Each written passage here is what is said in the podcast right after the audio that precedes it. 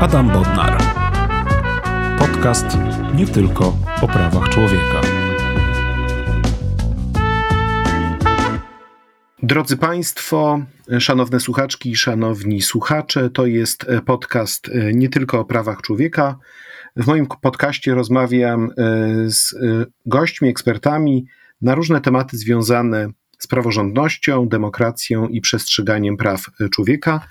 Dzisiaj moim gościem jest pan profesor Cezary Obracht Prądzyński. Dzień dobry, panie profesorze. Dzień dobry panu, dzień dobry państwu. Pan profesor Obracht Prądzyński jest profesorem zwyczajnym, czyli jak to się mówi, belwederskim, jest socjologiem, antropologiem, historykiem, kierownikiem Zakładu Antropologii Społecznej w Instytucie Filozofii, Socjologii i Dziennikarstwa Uniwersytetu Gdańskiego.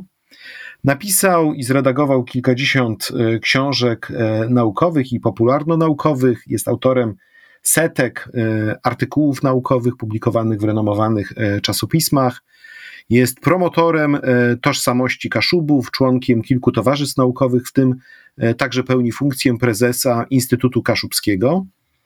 Jest zaangażowany w różne działania społeczne jako doradca, aktywista, działacz. E, także pomagał e, Rzecznikowi Praw Obywatelskich e, jako członek Rady Społecznej przy biurze RPO w Gdańsku. W 1995 roku pan profesor otrzymał nagrodę Fundacji Polkul za pracę społeczną i kulturalną na Pomorzu, a w 2004 roku nagrodę i medal imieniem Zygmunta Glogera. Panie profesorze, sporo tych aktywności, czy pan profesor znajduje faktycznie czas na aktywność społeczną? Mój mistrz, profesor Józef Bożyszkowski, zawsze mówił, że miał dwa uniwersytety. Jeden, a ja powtarzam to za nim. Jeden to jest ten uniwersytet uniwersytecki, czyli Uniwersytet Gdański, a drugi, ten społeczny uniwersytet, to było Zrzeszenie Kaszubsko-Pomorskie, z którym profesor Bożyszkowski był związany od zawsze i ja też właściwie jestem od zawsze i ten krąg osób, y, działaczy, aktywistów społecznych, animatorów, regionalistów kaszubskich i pomorskich. To był mój życiowy, społeczny e, uniwersytet. E, tam się uczyłem pracy e, społecznej i właściwie istotą naszej aktywności jest społeczne zaangażowanie. Oczywiście tych form różnych organizacji przybyło w tym czasie bardzo wiele. Pewnie mógłbym dodawać ich więcej, różnego rodzaju funkcji. Ktoś złośliwie mógłby powiedzieć, że jak choinka jestem obwieszony, jak choinka bombkami, tak ja tymi funkcjami. Ale a propos tej aktywności, to dodam, że jestem też już od wielu, wielu lat członkiem zarządu oddziału Zrzeszenia Kaszubsko-Pomorskiego w Bytowie. I to nie takim malowanym, tylko zaangażowanym i pracującym w społeczności lokalnej, bo mieszkam w Bytowie. O Bytowie dzisiaj będziemy mówili na samym e, końcu, bo y, tam E, odbędzie się pewna inicjatywa 10 e, lipca, ale tych e, niecierpliwych właśnie zachęcam do wysłuchania naszej rozmowy do samego końca. Natomiast pretekstem do naszej rozmowy jest właśnie inicjatywa społeczna, która ruszyła dwa tygodnie temu. Ta inicjatywa nazywa się Tour de Konstytucja. To jest inicjatywa polegająca na promocji konstytucji oraz wartości konstytucyjnych w całym kraju po Polsce jeździ e, turbus, e, który e, wiezie ze sobą taki pięknie wydrukowany zwój naszej konstytucji z 2 kwietnia 1997 roku. Turbusem kieruje Robert Hojda z Kongresu Obywatelskich Ruchów Demokratycznych. No i tak dzień po dniu odwiedza kolejne miejscowości. Kiedy nagrywamy naszą rozmowę podcastową, to właśnie dzisiaj tur E, dekonstytucja był e, najpierw w Piotrkowie Trybunalskim, a następnie e, w Tomaszowie Mazowieckim. Jutro będzie w Łodzi. Kolejne miasta na trasie to m.in. Częstochowa, Katowice, Opole, Wrocław i mniejsze, większe miejscowości w całej Polsce, łącznie ponad 130 miast. I chciałbym się spytać pana profesora, jak pan usłyszał o tej akcji Tour de Konstytucja, to czy pan miał takie wrażenie, że w Polsce jest jeszcze w ogóle przestrzeń społeczna na tego typu akcje? No, moim zdaniem y, wręcz jest pewien obowiązek, aby tego typu akcje robić, ponieważ tej przestrzeni jest bardzo wiele. Mam w ogóle wrażenie, że dla różnego rodzaju form aktywności jest przestrzeni bardzo dużo, jest bardzo dużo też oczekiwania na to, że różne inicjatywy, różne projekty, różne przedsięwzięcia będą podejmowane, będą y, animowane. I mm, jakby narzucałoby się dość oczywisty sposób, żeby y, dyskutować o kluczowych dokumentach, o kluczowych regulacjach prawnych czy o kluczowych problemach. No i konstytucja, zważywszy na to, y, co się w ostatnich latach wokół niej czy z nią działo i dzieje, no jest chyba takim naturalnym elementem naszego krajobrazu publicznego, nad którym czy wokół którego powinniśmy y, dyskutować.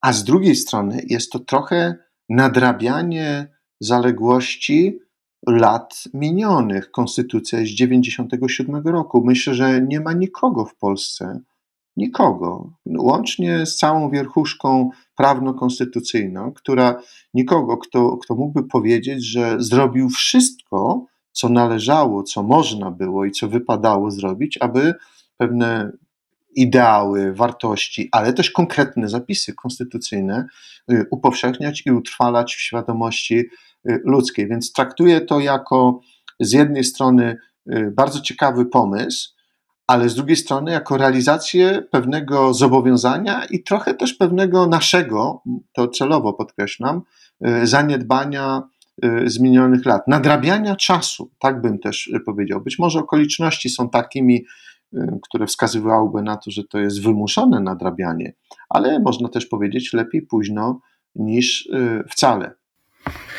Tylko, że ja się spotkałem z taką opinią, że być może to hasło konstytucji nie jest już takie magnetyczne, jak było jeszcze kilka lat temu, kiedy na przykład e, przed e, sądami w całym kraju obywatele e, mieli ze sobą kartkę wydrukowaną z hasłem Konstytucja, z tym słynnym plakatem autorstwa Luka Rajskiego, gdzie wyodrębnione są słowa ty i ja w tym napisie Konstytucja, że od tego czasu ta konstytucja została tyle razy sponiewierana, lekceważona, e, naruszona przez rządzących. Co więcej, tym głównym interpretatorem konstytucji stał się Trybunał Konstytucyjny, który e, no, ma raczej nie uchodzić za organ e, niezależny, a i w związku z tym ta konstytucja kojarzy się ludziom z czymś w rodzaju takiej brudnej, codziennej walki e, politycznej, że może to, to nie jest najlepsze hasło na tego typu e, inicjatywy. Co pan profesor sądzi o takim zarzucie?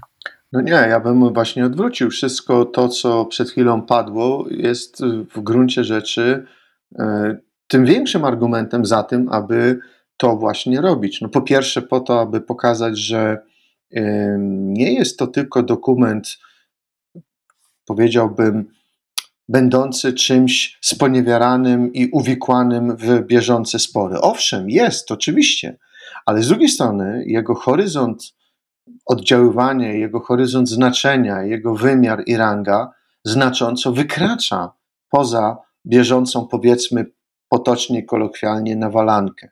I być może właśnie o to idzie też w, tak, w tego typu akcji, aby pokazywać, że niezależnie od tego, co się dzieje dzisiaj, a może nawet z, właśnie dlatego, że coś się dzieje dzisiaj z, wokół ustawy zasadniczej, należy o niej mówić jako zasadniczym fundamencie demokracji.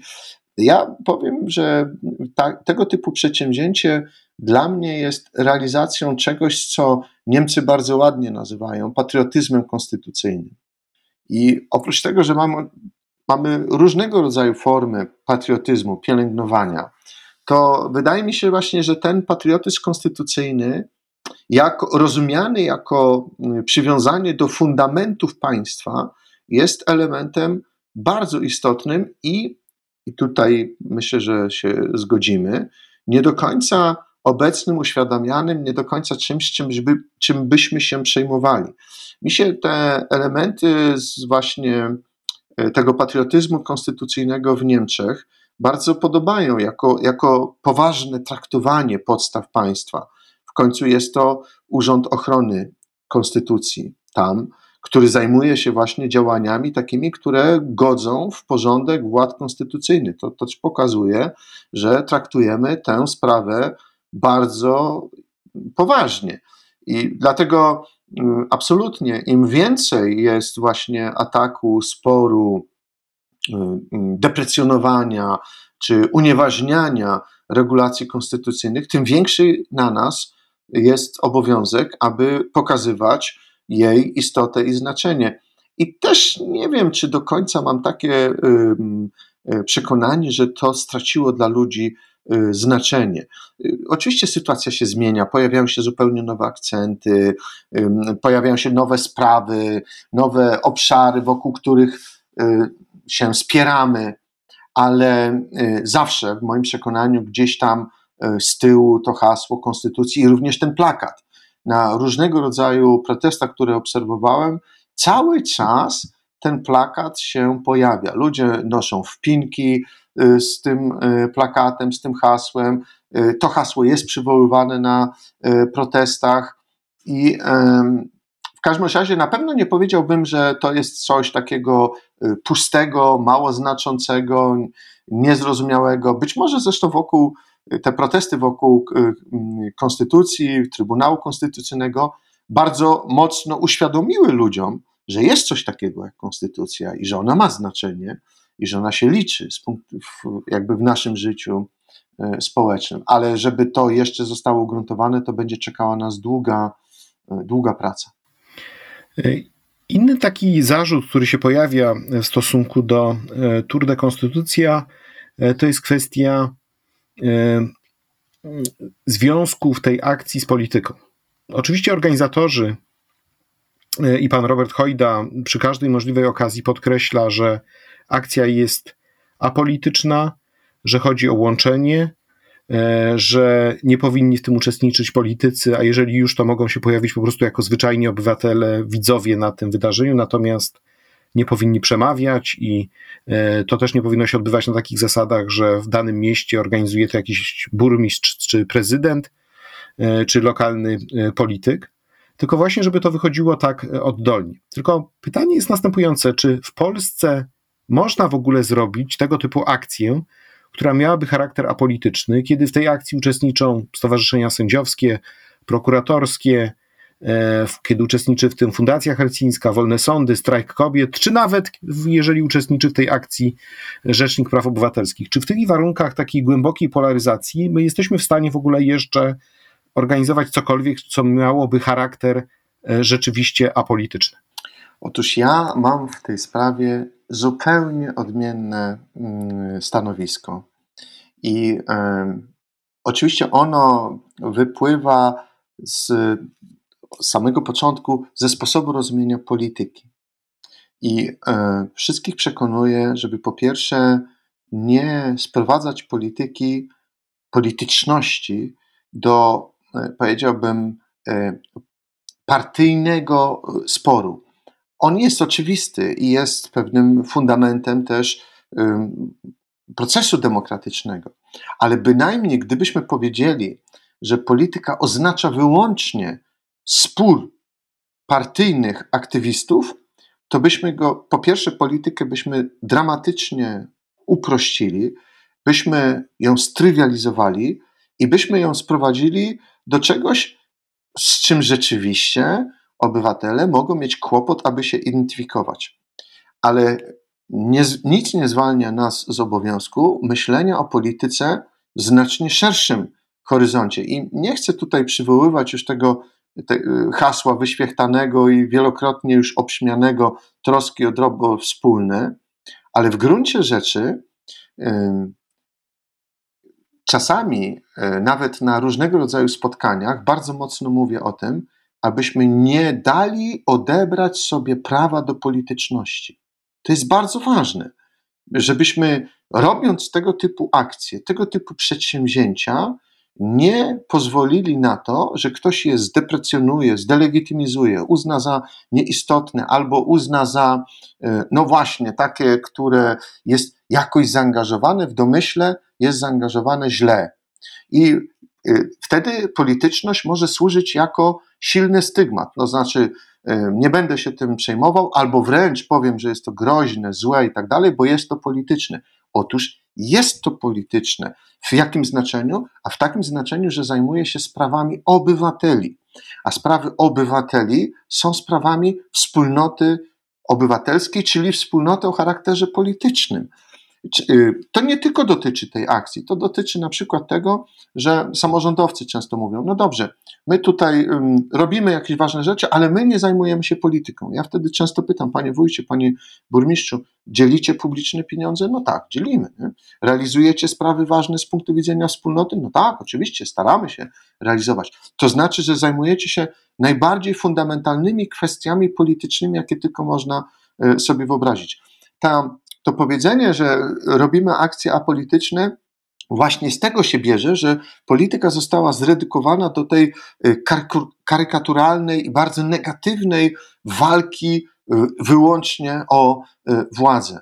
Ale przecież wiemy, że zanim dojdzie do tego plebiscytu, jakim jest głosowanie, przecież muszą być spełnione całe mnóstwo warunków, abyśmy mogli powiedzieć, że to głosowanie jest demokratyczne. A jednym z takich warunków jest swoboda debaty publicznej. A ta akcja, Tour de, de Konstytucja, jest jednym z elementów, bardzo istotnym elementem debaty publicznej o ważnych sprawach obywatelskich. Czy może być coś ważniejszego niż rozmowa na temat konstytucji, jej poszanowania czy y, nieposzanowania? Innymi słowy, zupełnie nie obawiałbym się e, argumentu mm, polityczności, tylko wręcz mówiłbym, to jest właśnie robienie polityki w najbardziej szlachetny sposób, jaki można sobie e, wymyślić. I co więcej, jest to zaproszenie do robienia polityki właśnie w szlachetny, normalny, cywilizowany, kulturalny e, sposób. Bo jeśli mamy się spierać, na przykład o wartości konstytucyjne, to powinniśmy to robić w taki sposób, który no nie będzie unieważniał innego e, głosu, w tym również nie będzie unieważniał naszego głosu. Czyli powtórzę jeszcze raz i naprawdę mówię to przy różnych okazjach. Nie dajmy odebrać sobie prawa do polityczności. A dlaczego?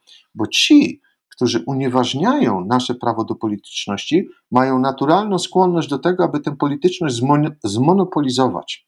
Czyli, że oto wy nie macie prawa być politycznymi, bo politycznie to tylko my będziemy i tylko my będziemy mieli prawo, aby to robić wedle wzorca standardu, który my narzucimy. No to byłoby bardzo e, niebezpieczne i jest to jedna z furtek, która otwiera e, drogę ku autorytaryzmowi, bo jedną z cech autorytaryzmu jest eliminowanie tych z pola polityki, jest eliminowanie tych, którym prawa do polityczności się odmawia.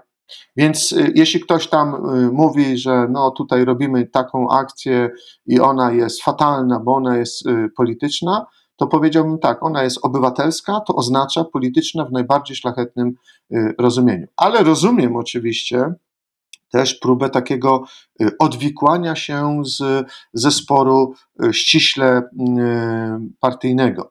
I powiedziałbym tak, że ja to bym nie odmawiał wypowiedzi, prawa do wypowiedzi polityków zaangażowanych, byleby mądrzy mówili, sensownie, rozsądnie.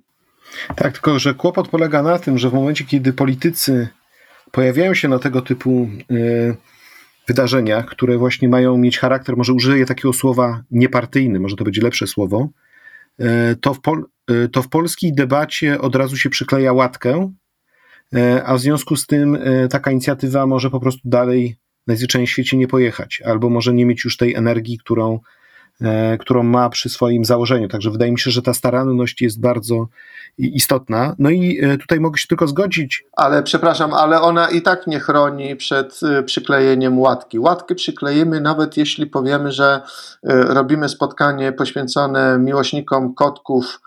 No oba, kotków to już jest, aha, już jest, już stało się politycznie. Tak, popadliśmy w pewną, powiedziałbym, y, paranoję podejrzliwości i nieufności, która skazuje y, na mm, identyfikowanie każdej inicjatywy, czy ona jest nasza, czy ona nie jest nasza. To jest bardzo wygodne z punktu widzenia właśnie tej walki partyjnej wprost. Jest niezwykle destrukcyjne z punktu widzenia przestrzeni obywatelskiej, bo to rodzi pokusę do tego, aby tę przestrzeń całkowicie zagospodarować, czyli narzucić jej pewne reguły i podporządkować sobie, co zresztą w Polsce e, obserwujemy. I wszystkie działania, które zmierzają do tego, aby pokazać, że można nie zgadzać się na zagospodarowanie, są natychmiast stygmatyzowane. Trudna Konstytucja dokładnie z tym się spotyka. No i mieliśmy też bardzo taki konkretny przejaw tej stygmatyzacji i próby e, właśnie takiego zobrzydzenia e, inicjatywy obywatelom. E, I to, to było dość dla mnie zastanawiające, że wystarczyły 4-5 dni, czyli pokazanie się w ogóle nowej inicjatywy, żeby już ruszyły te takie czołgi e, ideologiczne. E, mam na myśli tutaj historię w Dobczycach, gdzie jeden z nauczycieli postanowił przyprowadzić uczniów, żeby posłuchali o konstytucji. Gdzieś tam się przypadkiem zaplątały dzieci z przedszkola, które były na lodach i wracały i się zatrzymały, bo rozdawali flagi. No i co się zdarzyło? Oczywiście od razu rzucił się e, z napaścią werbalną i nie tylko, także z instrumentami prawnymi pan minister Czarnek, pani kurator oświaty Barbara Nowak, a jeszcze a Rzecznik Praw Dziecka zażądał wyjaśnień od, e, e, od szkoły, od dyrektora szkoły, jak to się stało, że takie rzeczy się właśnie dzieją. I to jest moim zdaniem ten dokładnie przykład tego, że pojawia się inicjatywa i władza już czuję obawę, że kto, ktoś inny zaczyna wchodzić w przestrzeń e, publiczną i zaczyna e, dyskutować e, w inny sposób. No tylko powstaje pytanie, no dobrze, jeżeli władza sięga po tego typu narzędzia, to czy w ramach takiej akcji jest możliwe przerzucenie jakiegokolwiek pomostu do drugiej strony? Jakiegoś pomostu, który pozwala na rzeczywistą debatę o nie tylko o, nie wiem, o problemach praworządności, ale nawet o takich kwestiach jak ochrona środowiska, bezdomność, prawa osób starszych, e, przemoc policji. Słowem, te wszystkie zagadnienia, które w Konstytucji mamy i które przecież mogłyby być przedmiotem e, dyskusji w czasie różnych spotkań Tour de Konstytucja. Jak pan profesor uważa, czy w polskich warunkach ta, to przerzucenie pomostu jest jeszcze możliwe, czy to jest takie trochę naiwne myślenie? W gruncie rzeczy nie tylko my w Polsce mamy z tym e, kłopot. E, cechą charakterystyczną e, takich właśnie coraz bardziej autorytarnych rządów czy środowisk politycznych jest bazowanie na radykalizacji nastrojów i umacnianiu postaw o charakterze fundamentalistycznym.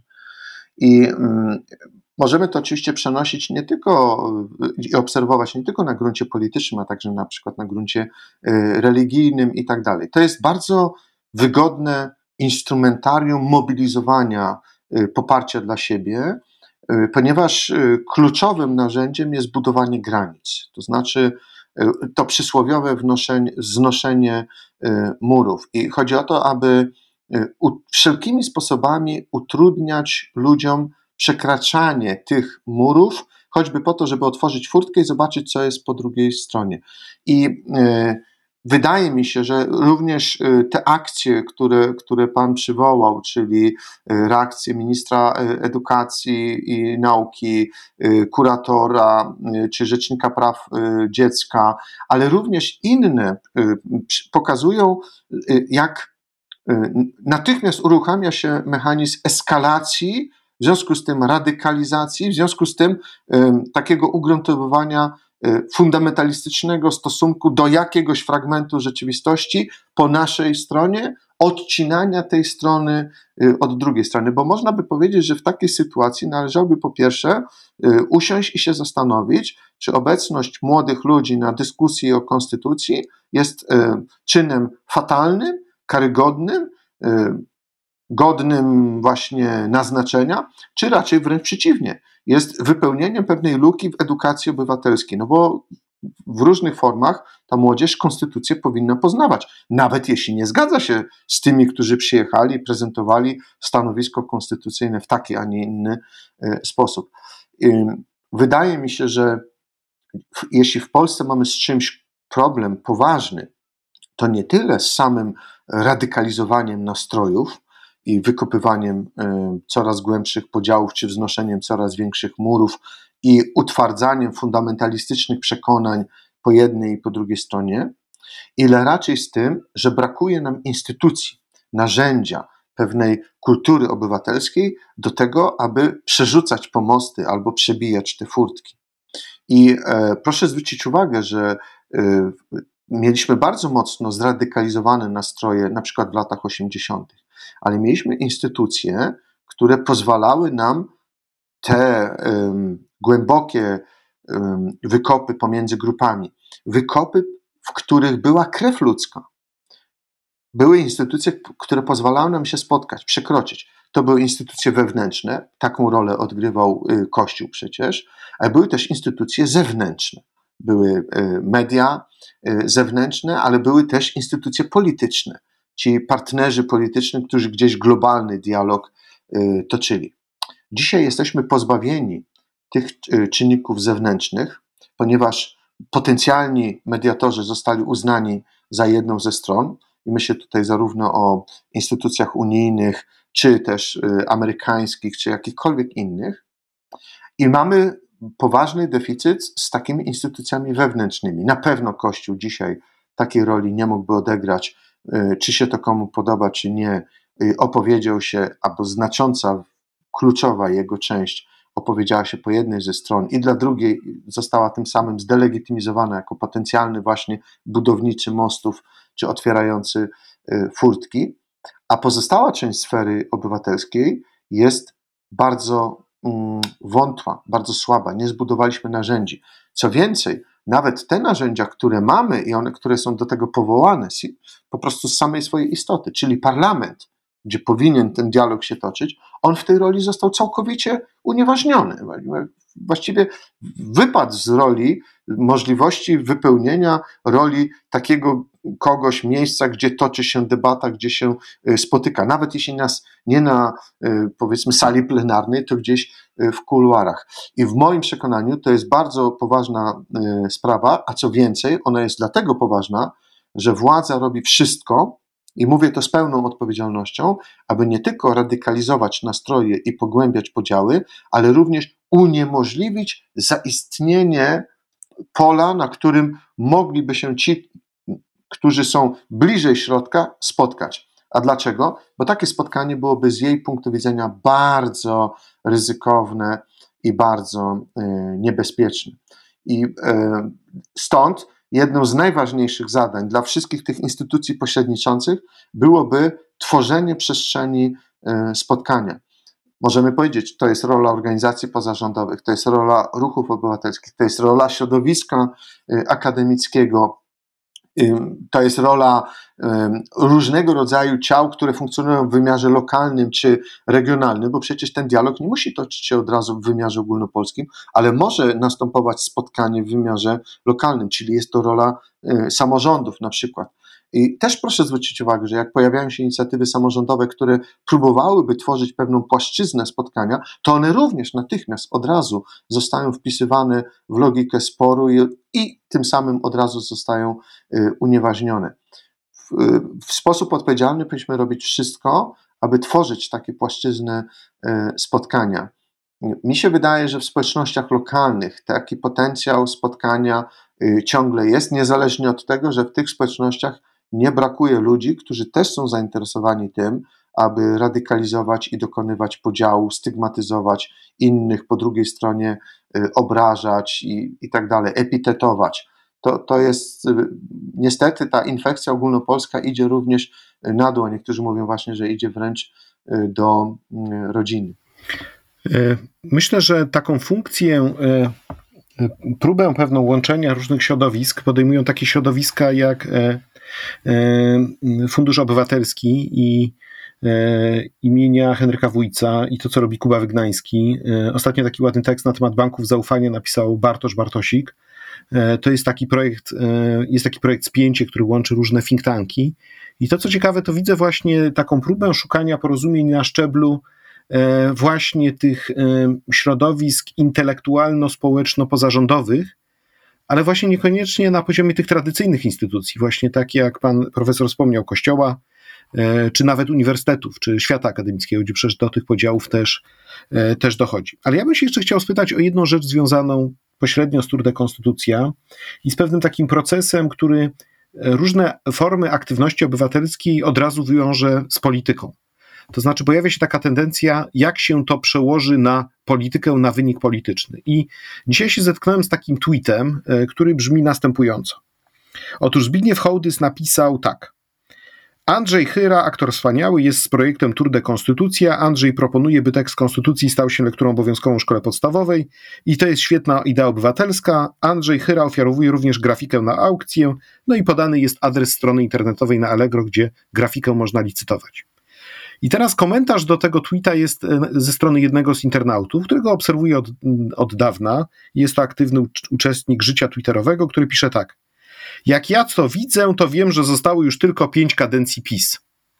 Czyli od razu sprowadzenie całego, całej akcji i całego pomysłu do tego, że właśnie jak będziemy taką drogą takich naiwniaków podążali, to ten PiS będzie tylko rządził i rządził.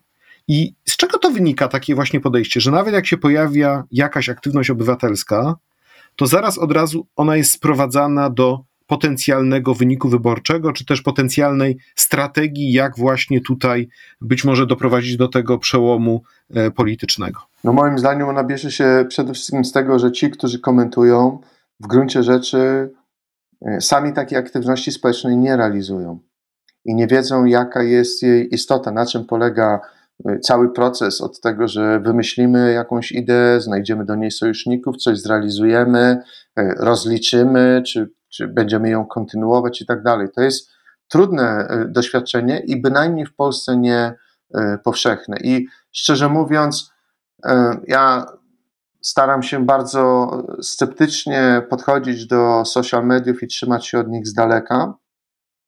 Być może też z tego względu, że brakuje mi czasu i cierpliwości na to. I mimo wszystko w takich sytuacjach apeluję do, do chociaż to znowu jest trochę wyświetlane, do różnych osób, które się angażują, róbmy swoje. I życie weryfikuje bardzo szybko inicjatywy społeczne. Jeśli one są trafione, jeśli one poruszają ważną strunę społeczną, to one wywołują rezonans i, y, i skupiają pewną y, uwagę i angażują y, ludzi, trafiają, docierają do ludzi.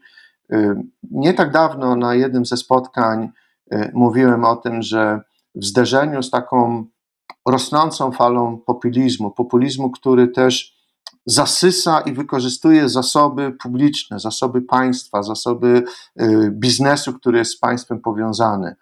Y, I ludzie mają poczucie, że są bezradni wobec y, tej rosnącej fali, zwłaszcza takiej, która jeszcze posługuje się bardzo ważnymi narzędziami takim emocjonalnego oddziaływania. To wtedy zawsze mówię, że jest jedno narzędzie, jeden zasób, który my mamy, który możemy, możemy wykorzystać do tego, aby przeciwstawić się takiej fali. Tym zasobem są e, ludzie, którzy są przywiązani do demokracji i ich praca.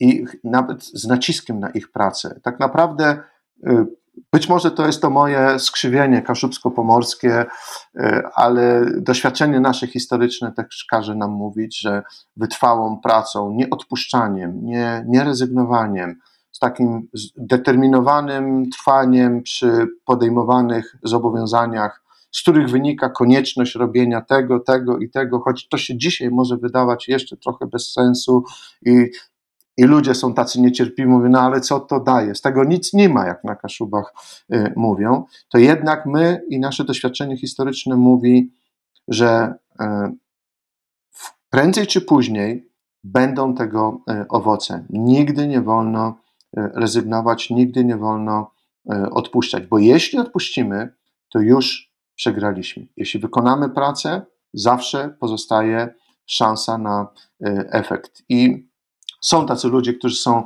e, kompanii w gorącej wodzie, a zwłaszcza właśnie na Twitterach, Facebookach czy innych e, komentarzach bardzo łatwo jest wystrzelić e, od razu, nawet nie licząc się z tym, że kogoś to może ugodzić, bo ten ktoś poświęca na te akcje trzy rzeczy, które są najcenniejsze, których się nie da niczym zastąpić i nie da się ich kupić. To jest nasz czas, nasza energia i nasza uwaga. Aktywność społeczna, zaangażowanie obywatelskie wymaga tych trzech rzeczy. Bez tego, bez naszej własnej energii, czasu i y, uwagi, y, tej pracy po prostu nie będzie. Więc ja do wszystkich apeluję, wykonujmy porządną, solenną pracę obywatelską w każdym miejscu, gdzie jesteśmy. Demokracja zaczyna się na wyciągnięcie ręki. No dobrze, tylko że jesteśmy w 2021 roku. E, te różne prace społeczne, praca organiczna na rzecz demokracji, przeciwdziałania dyskryminacji, praw kobiet, czy na rzecz praworządności, była wykonana przez różne organizacje, różne osoby przez ostatnie lata, bo przecież najpierw powstał Komitet Obrony Demokracji, E, później bardzo aktywni byli obywatele RP, powstały różne organizacje lokalne, organizacje e, prawnicze. E, powstał także strajk kobiet.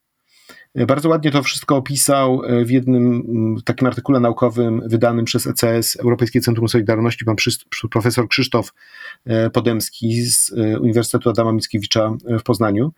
Natomiast jednocześnie mam wrażenie, że czasami bywało tak, że dominowało takie nastawienie na maksymalizację zysku. Czyli właśnie skoro ta organizacja coś zrobiła, zorganizowała potężną demonstrację czy serię demonstracji, to już powinna nastąpić zmiana, a jednocześnie ta zmiana polityczna nie następowała, w związku z czym pojawiała się e, e, frustracja. Czy tego typu proces, że różne organizacje powstają, później trochę zmieniają swój sposób działania, tracą liderów, E, przekształcają się, podążają inną ścieżką. To jest naturalne dla społeczeństwa obywatelskiego, czy to jest raczej coś, co jest naszą jakąś e, krajową specyfiką i pewną traumą wynikającą z ostatnich kilku lat?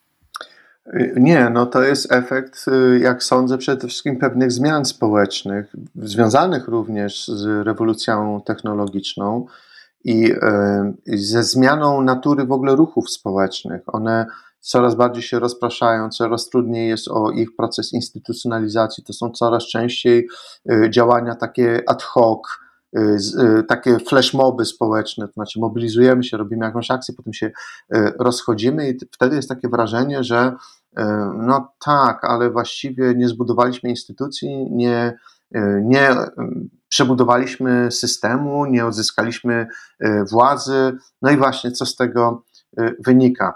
Y, te, te zmiany technologiczne i społeczne sprawiają, że coraz intensywniej działamy, ale w krótkim horyzoncie czasu, że jest y, już dziś, na teraz, tu, tu się powinno y, zdarzyć, ale jednocześnie zmiana społeczna to jest coś, co trwa długo.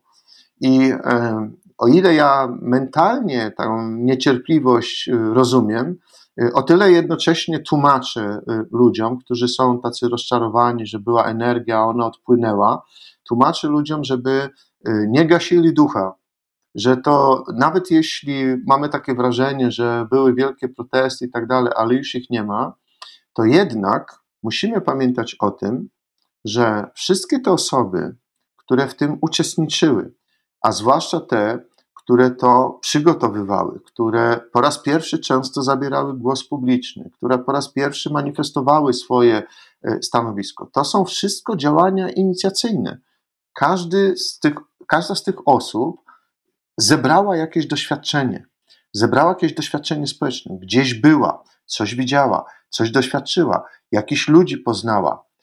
To jest ogromny zasób nawet jeśli jedna trzecia, nawet jeśli połowa z tych osób w wyniku rozczarowania powie już nigdy więcej, nic takiego, to zbyt dużo mnie kosztowało, zostawiam to, to po pierwsze w nich pozostaje pewna potencjalność. Oni już pewne rzeczy wykonali, oni już za sobą mają pewne doświadczenia i nigdy nie wiadomo, kiedy one się uruchomią po raz drugi. A po drugie, ta połowa, ta pierwsza połowa pozostaje aktywna, zmobilizowana, y, już coś potrafiąca, już coś umiejąca.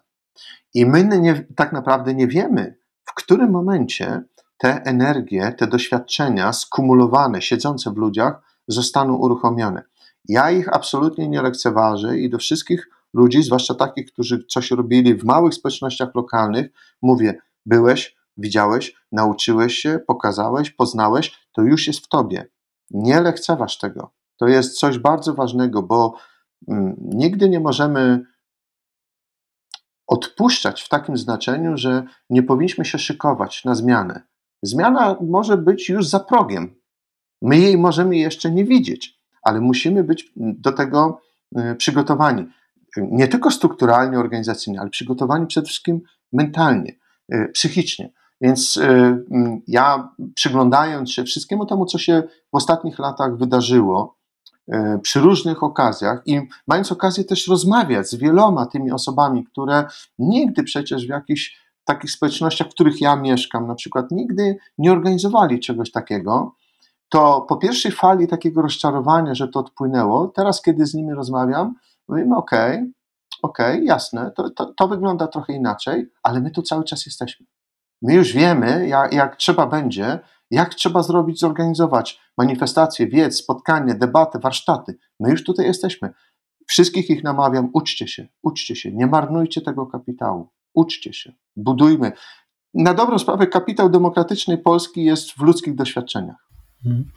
E, no dobrze, ale y, y, pamiętam taką jedną akcję obywatelską, y, która polegała na zakładaniu koszulek z napisem Konstytucja na pomnikach Lecha, Lecha Kaczyńskiego.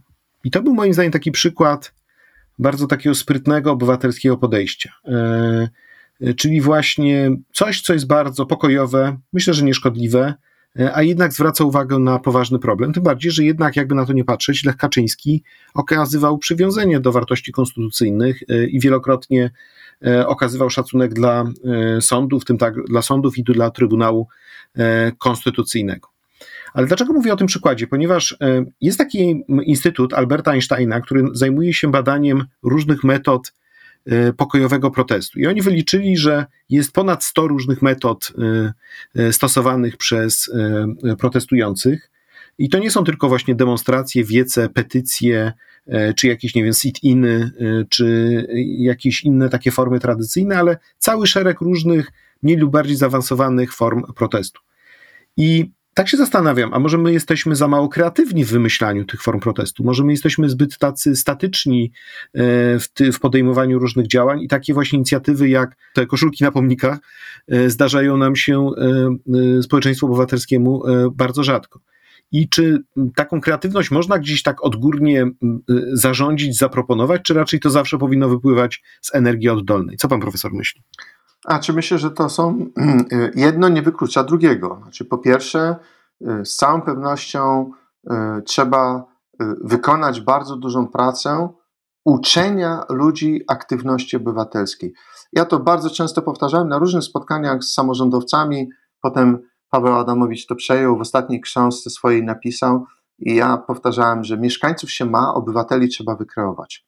Obywatelem trzeba się stać. I to się, obywatelem się najczęściej staje przez y, różnego rodzaju praktyki. Tylko, że te praktyki muszą być oczywiście w y, odpowiedni sposób zorganizowane. I tutaj mamy wielkie deficyty, ale jednocześnie mamy wielkie pole y, do popisu. Nikt nie zwolni nas z obowiązku tego, aby spotykać się z ludźmi, pracować, przygotowywać, uczyć ich, pokazywać, jak to należy zrobić. I myślę, że każdy z nas przy różnych okazjach tego typu działania edukacyjne e, wykonuje.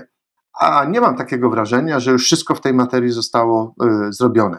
Więc jakby z jednej strony organizowanie ludzi, organizowanie opinii, przygotowywanie warsztatów, debat, i, czyli korzystanie z tych wszystkich form, które są już znane, to to jest rzecz, którą możemy wykonywać. Jest niemała literatura, jest w sieci sporo dostępnych materiałów, a co więcej, pojawiają się ciągle nowe formy. No i teraz to jest ta druga strona, czyli to coś, co się rodzi w sposób y, spontaniczny, y, oddolny, y, którego byśmy nawet nie przewidzieli jakoś wcześniej, zanim się te protesty nie zaczęły. One, te innowacje mogą być związane w ogóle z wymyślaniem zupełnie nowych przedsięwzięć. No, największą innowacją społeczną była polska Solidarność. No przecież na, na początku 80 roku nikt by niczego takiego e, nie przypuszczał. W związku z tym zawsze mówię, że ta zmiana jest być może za progiem, tylko jeszcze jej nie widzimy.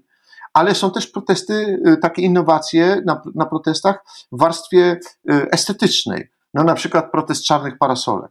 I nagle pojawia się pewna symbolika, która staje się symboliką niezwykle czytelną, nośną, ciągle gotową i też przecież miesiąc wcześniej nikt by nawet nie przypuszczał. Tak samo zresztą, jak stało się z tym symbolicznym e, plakatem, e, czy z, tą, z tym napisem Konstytucja, który potem pojawił się w tylu różnych innych e, miejscach. A jakaż była kreatywność młodych ludzi w grze takiej powiedziałbym semantycznej, wizualnej w czasie protestów kobiet. No, przecież już powstały całe prace, które analizują te wszystkie hasła takie czy inne. Więc jedno nie wyklucza drugiego. Z jednej strony trzeba to organizować, trzeba to robić, trzeba się uczyć, a zawsze powtarzam, że tylko praktyka jest sprawdzianem intencji bo można mówić ładne rzeczy, ale trzeba to przetestować. A z drugiej strony trzeba być bardzo otwartym na różnego rodzaju innowacje, które się gdzieś pojawiają, czasami w sposób zupełnie e, nie, e, nieprzewidziany. Mi się wydaje, że skarbnica e, akcji obywatelskich, możliwych akcji obywatelskich, oporu, protestu, ale też mobilizacji, takich do, do rzeczy mm, nie tylko związanych z protestem, ale też do, wyko- do wykonywania działań o charakterze mm, nie tyle mobilizującym, ile wspierającym, pomagającym. Y, ta skarbnica jest właściwie nieprzebrana, ona tylko zależy od kreatywności ludzkiej. Wszystkich namawiam, róbcie, wymyślajcie, co jest lokalnie na przykład y, nośne, bo czasami mogą być rzeczy, które nie wypalą w jednym mieście, ale obok wypalą, super, świetnie, będzie, będzie bardzo fajnie. W jednym mieście będą e, maszerowali, ale w drugim mieście na przykład zrobią chór i zaczną śpiewać e, różne rzeczy, na przykład albo zrobią jakieś parateatralne rzeczy, bo na przykład mają taką praktykę i, i e, doświadczenie. Tak na dobrą sprawę jako socjolog powiem, że my ciągle jeszcze nie do końca to opisaliśmy, tę różnorodność lokalnych form aktywności, w tym również lokalnych form protestu. Zresztą to, to, bardzo dobrze widać w czasie Tour de Konstytucja, gdzie właśnie e, to wszystko zależy od e, e, determinacji lokalnych działaczy. I na przykład w Radomiu się wszystko rozpoczęło od koncertu i pokazu takiej wielkiej orkiestry dętej w stylu amerykańskim, czyli trochę człowiek mógł się poczuć jak na paradzie Pułaskiego w Stanach. A później z kolei były przemówienia i w sumie taka dyskusja trochę, prawda, wiecowa. A z kolei na przykład w Ostrowcu Świętokrzyskim to były różne warsztaty, quizy e, e, z udziałem rodziców, dzieci, e, malowanie twarzy, wyprasowanki na, na koszulkach, a z kolei w Przemyślu udało się zorganizować taką mini symulację rozprawy przed sądem, prawda, żeby pokazać na czym funkcjonowanie sądu polega. Dzisiaj, o ile wiem, w Piotrkowie Trybunalskim był dzielony E, tort, taki właśnie z napisem Tour de Konstytucja, także tych form może być wiele i myślę, że też różne ciekawe aktywności poznamy na drodze. Jak pan profesor mówił o strajku kobiet, to pamiętam taką, taki jeden piękny karton z napisem Anuszka już rozlała olej. I to było niezwykle symboliczne, prawda, że, e, że ci uczestnicy już zdawali sobie sprawę z tego, co oznacza to hasło, e, to zdanie z Buchakowa, że że zaczną się pewne zmiany, które będą nieuniknione i być może te zmiany właśnie oglądamy, tylko e, jeszcze one są trochę rozciągnięte w czasie, a czasami jest dużo tej E, niecierpliwości, która e, mm, powoduje, że e, nie zawsze widzimy taką swoistą codzienną opłacalność tych protestów. Nie, myślę, że dla wielu osób ta aktywność wygasa, czy może się przekształca w inną, ze względu na to, że oczekują takiej swoistej maksymalizacji zysków, czyli że skoro poszli na demonstrację, to zaraz nastąpi zmiana społeczna. Ale powiedziałbym, y, ludzie muszą widzieć efekt i muszą zdawać sobie sprawę, bo ciągle powtarzam tak. A pomyślcie sobie, co by było, gdyby nie było tych protestów. Gdybyśmy wszyscy ruki po szwam i siedzieli cicho, czy tak jak jeden poseł doradzał, przegraliście mordy w kubeł. A jakbyśmy tak siedzieli, co by było? Czyli jednak to, że nie jesteśmy w sytuacji znacząco gorszej niż jest dzisiaj, pokazuje, że to ma sens i to jest pozytywny efekt. Ja teraz podaję jako przykład e, skuteczności protestów to, co się stało z sędzią Beatą Morawiec. E, bo tyle osób protestowało w obronie sądów i jednak mamy pierwszą sędzię, która została przywrócona do orzekania. Jeszcze czekamy na sędziego Tuleję, czekamy na sędziego Juszczyszyna, ale jednak ja pomijam powody polityczne, strachu, czy jakie tam były motywacje w tej Izbie Dyscyplinarnej e, w Sądzie Najwyższym, ale efekt jest bardzo konkretny, tak? Czyli ta każda osoba, która protestowała w obronie sądów, może powiedzieć tak, właśnie przykład sędzi Morawiec jest tym, e, dlaczego protestowałem, dlaczego protestowałam i że jednak ma to jakiś sens. No i właśnie, gdybyśmy milczeli, to by pewnie pani sędzia dalej była zawieszone. Ale ja mam w kontekście jeszcze protestów takie i w kontekście takiej swoistej frustracji, która się pojawia czasami, to mam pytanie o granicę między pokojowym i niepokojowym protestem, bo niektóre osoby mogą twierdzić, że one mają serdecznie dość tego tam stania ze świeczkami czy jakichś delikatnych hasełek.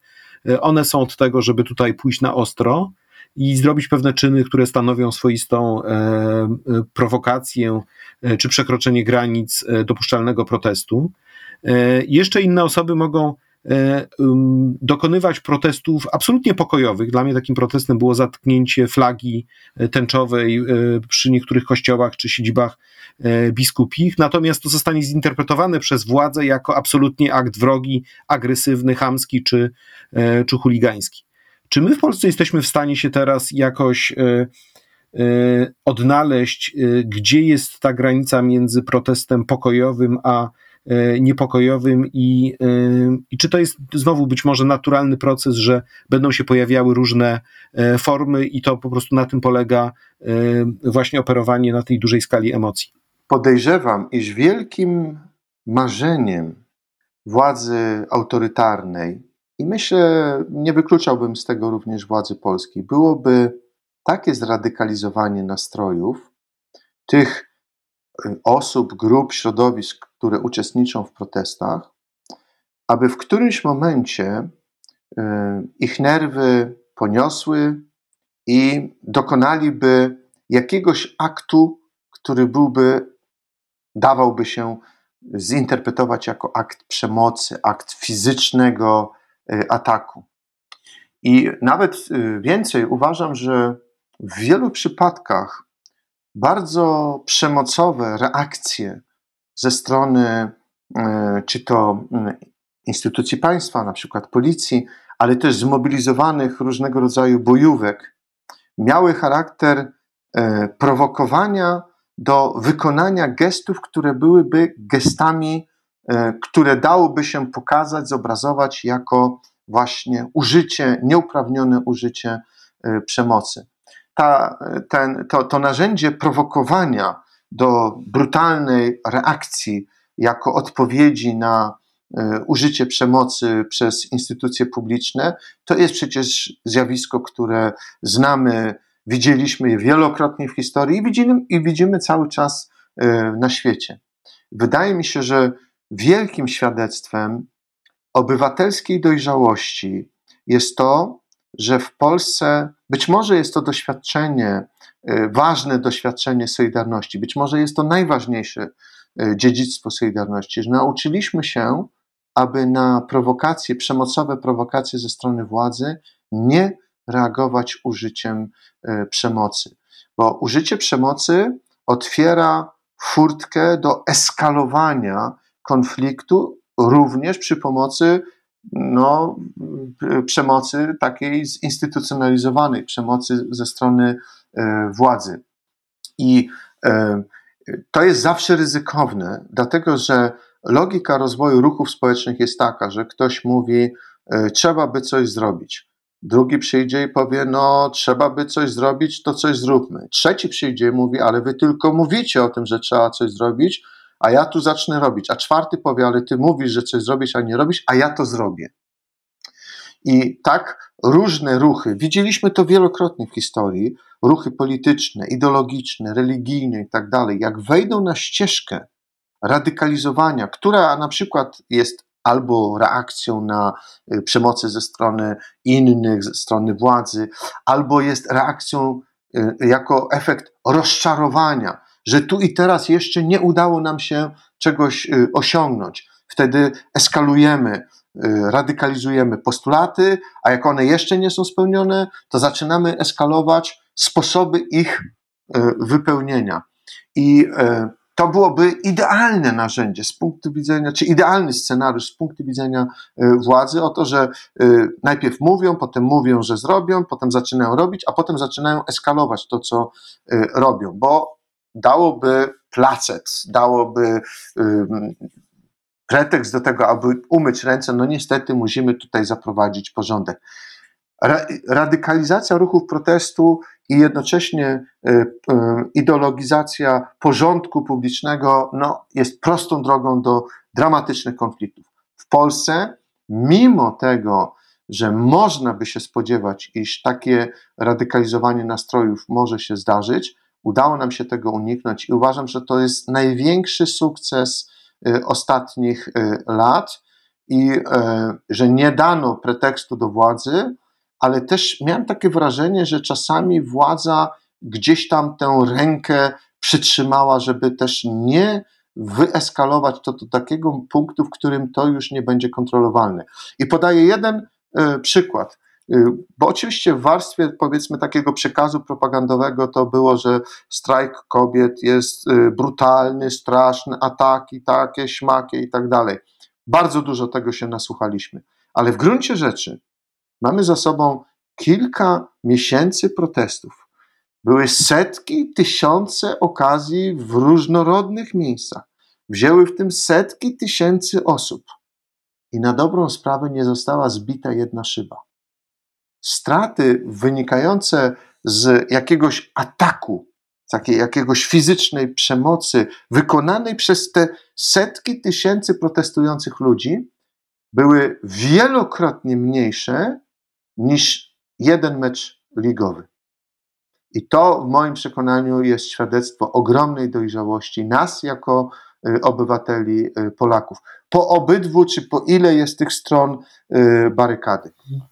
Ja myślę, że wtedy w kontekście strajku kobiet bardzo symboliczne było to, że po tych pierwszych akcjach e, wchodzenia z tymi e, kartonami do, do kościołów, e, kiedy Jarosław Kaczyński no, zawezwał de facto bojówki do reakcji, nastąpiła bardzo mądra, bardzo mądra odpowiedź. Na zasadzie takiej, okej, okay, możemy w innych miejscach protestować, nie musimy tam i nie damy się złapać na prawda, dalszą właśnie eskalację, tak? bo na tym właśnie zależy Jarosławowi Kaczyńskiemu.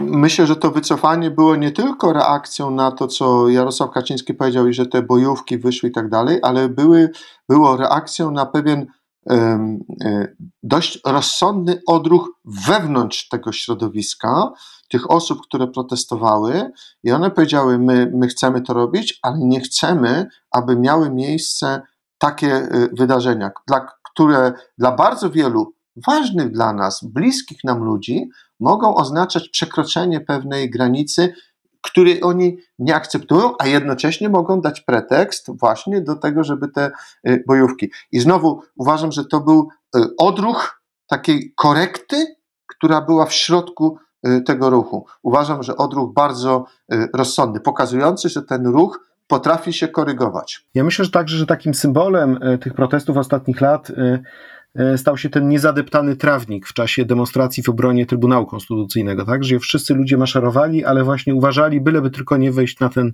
e, trawnik, byleby postawić, zostawić e, przestrzeń publiczną właśnie w taki sposób, jak ona powinna wyglądać, tak? Żeby, żebyśmy poprzez swoją energię obywatelską nie niszczyli tego, co jest dla nas wspólne i myślę, że być może czasami nie jesteśmy w stanie docenić takich właśnie takich zachowań. E, panie profesorze, na sam koniec mam e, pytanie. Mm, właśnie pytanie dotyczące pana rodzinnego e, miasta, miasta, z którym pan jest blisko związany, które pan kocha. A mianowicie, wiemy dobrze, że różne inicjatywy społeczne z czasem nabierają rozpędu. Tour de Konstytucja zaczął w Radomiu, 4 czerwca. E, już e, tych kilkanaście spotkań jest za turem. E, po drodze tur przejedzie przez Polskę Południową, następnie przez województwo lubuskie, później województwo zachodniopomorskie i dojedzie do województwa pomorskiego. W Bytowie będzie 10 lipca. Jak pan myśli, czy tego typu ruchy społeczne z czasem nabierają rozpędu, czy jak tur dojedzie do Bytowa, to będą mu towarzyszyły być może trochę większe emocje niż to e, ma miejsce e, obecnie? Jak pan to, e, to czuje? Jak tur zostanie przywitany pana zdaniem w Bytowie? Ja tylko jeszcze zapytam, w porach popołudniowych czy przedpołudniowych będzie, bo sprawdziłem w kalendarzu, że to chyba jest sobota, a to jest dość y, istotne pytanie, związane choćby z, z pogodą, z okolicznościami, bo jesteśmy na terenach turystycznych, co może oczywiście sprzyjać takiemu spotkaniu i jednocześnie może mu nie sprzyjać, bo ludzie na przykład pojadą nad jeziora, ale wydaje mi się, że. Mm, znaczy, moje pytanie jest oczywiście szersze. Mi nie chodzi oczywiście o analizowanie, co się dokładnie stanie w Bytowie. To będzie godzina 12 na ulicy Zamkowej 1, widzę, jest zaplanowany tur, ale mi generalnie chodzi o to, na ile tego typu akcje mają szansę, żeby nabrać rozpędu w trakcie, jak są e, realizowane, jak kolejne miasta czekają, jak porównują e, swoje dotychczasowe e, aktywności, pomysły, starają się przebić to, co zrobili poprzednicy. Jak pan profesor myśli, czy, czy tego typu akcja ma właśnie szansę na to, żeby taki proces zaistniał? No moim zdaniem to jest po pierwsze tak. Rozwój ruchów społecznych to jest trochę tajemnica. My do końca nie wiemy, jaki jest mechanizm i kiedy w, jakiś, y, w jakim momencie y, na przykład lawina y, rusza, co, co ją uruchamia. Czy to jest jakieś jednorazowe zdarzenie, czy raczej to jest coś, co musi się kumulować, narastać i jakby być przekazywane informacją, że słuchajcie, byli, tam się coś wydarzyło i tak dalej. Z drugiej strony to jest uwarunkowane właśnie pewnymi lokalnymi tradycjami. Czy, czy jest jakaś e, taka tradycja, czy są ludzie na przykład, którzy coś takiego organizowali, byli, wiedzą, potrafią szybko rozpuścić wici i skrzyknąć się, żeby te kilkadziesiąt, czy tam sto ileś osób, żeby e, przyszło i w czymś takim wzięło e, udział. To jest trochę niewiadoma, co zawsze frustruje takich, takie osoby, które organizują jakieś wydarzenie, jakieś przedsięwzięcie, gdzieś jadą, bo nigdy nie wiadomo, czego możemy się spodziewać. Mam często takie relacje. Jechaliśmy tam i sądziliśmy, że może tam trzy osoby przyjdą, nagle przyjeżdża matko jedyna, a tam setki osób. I odwrotnie.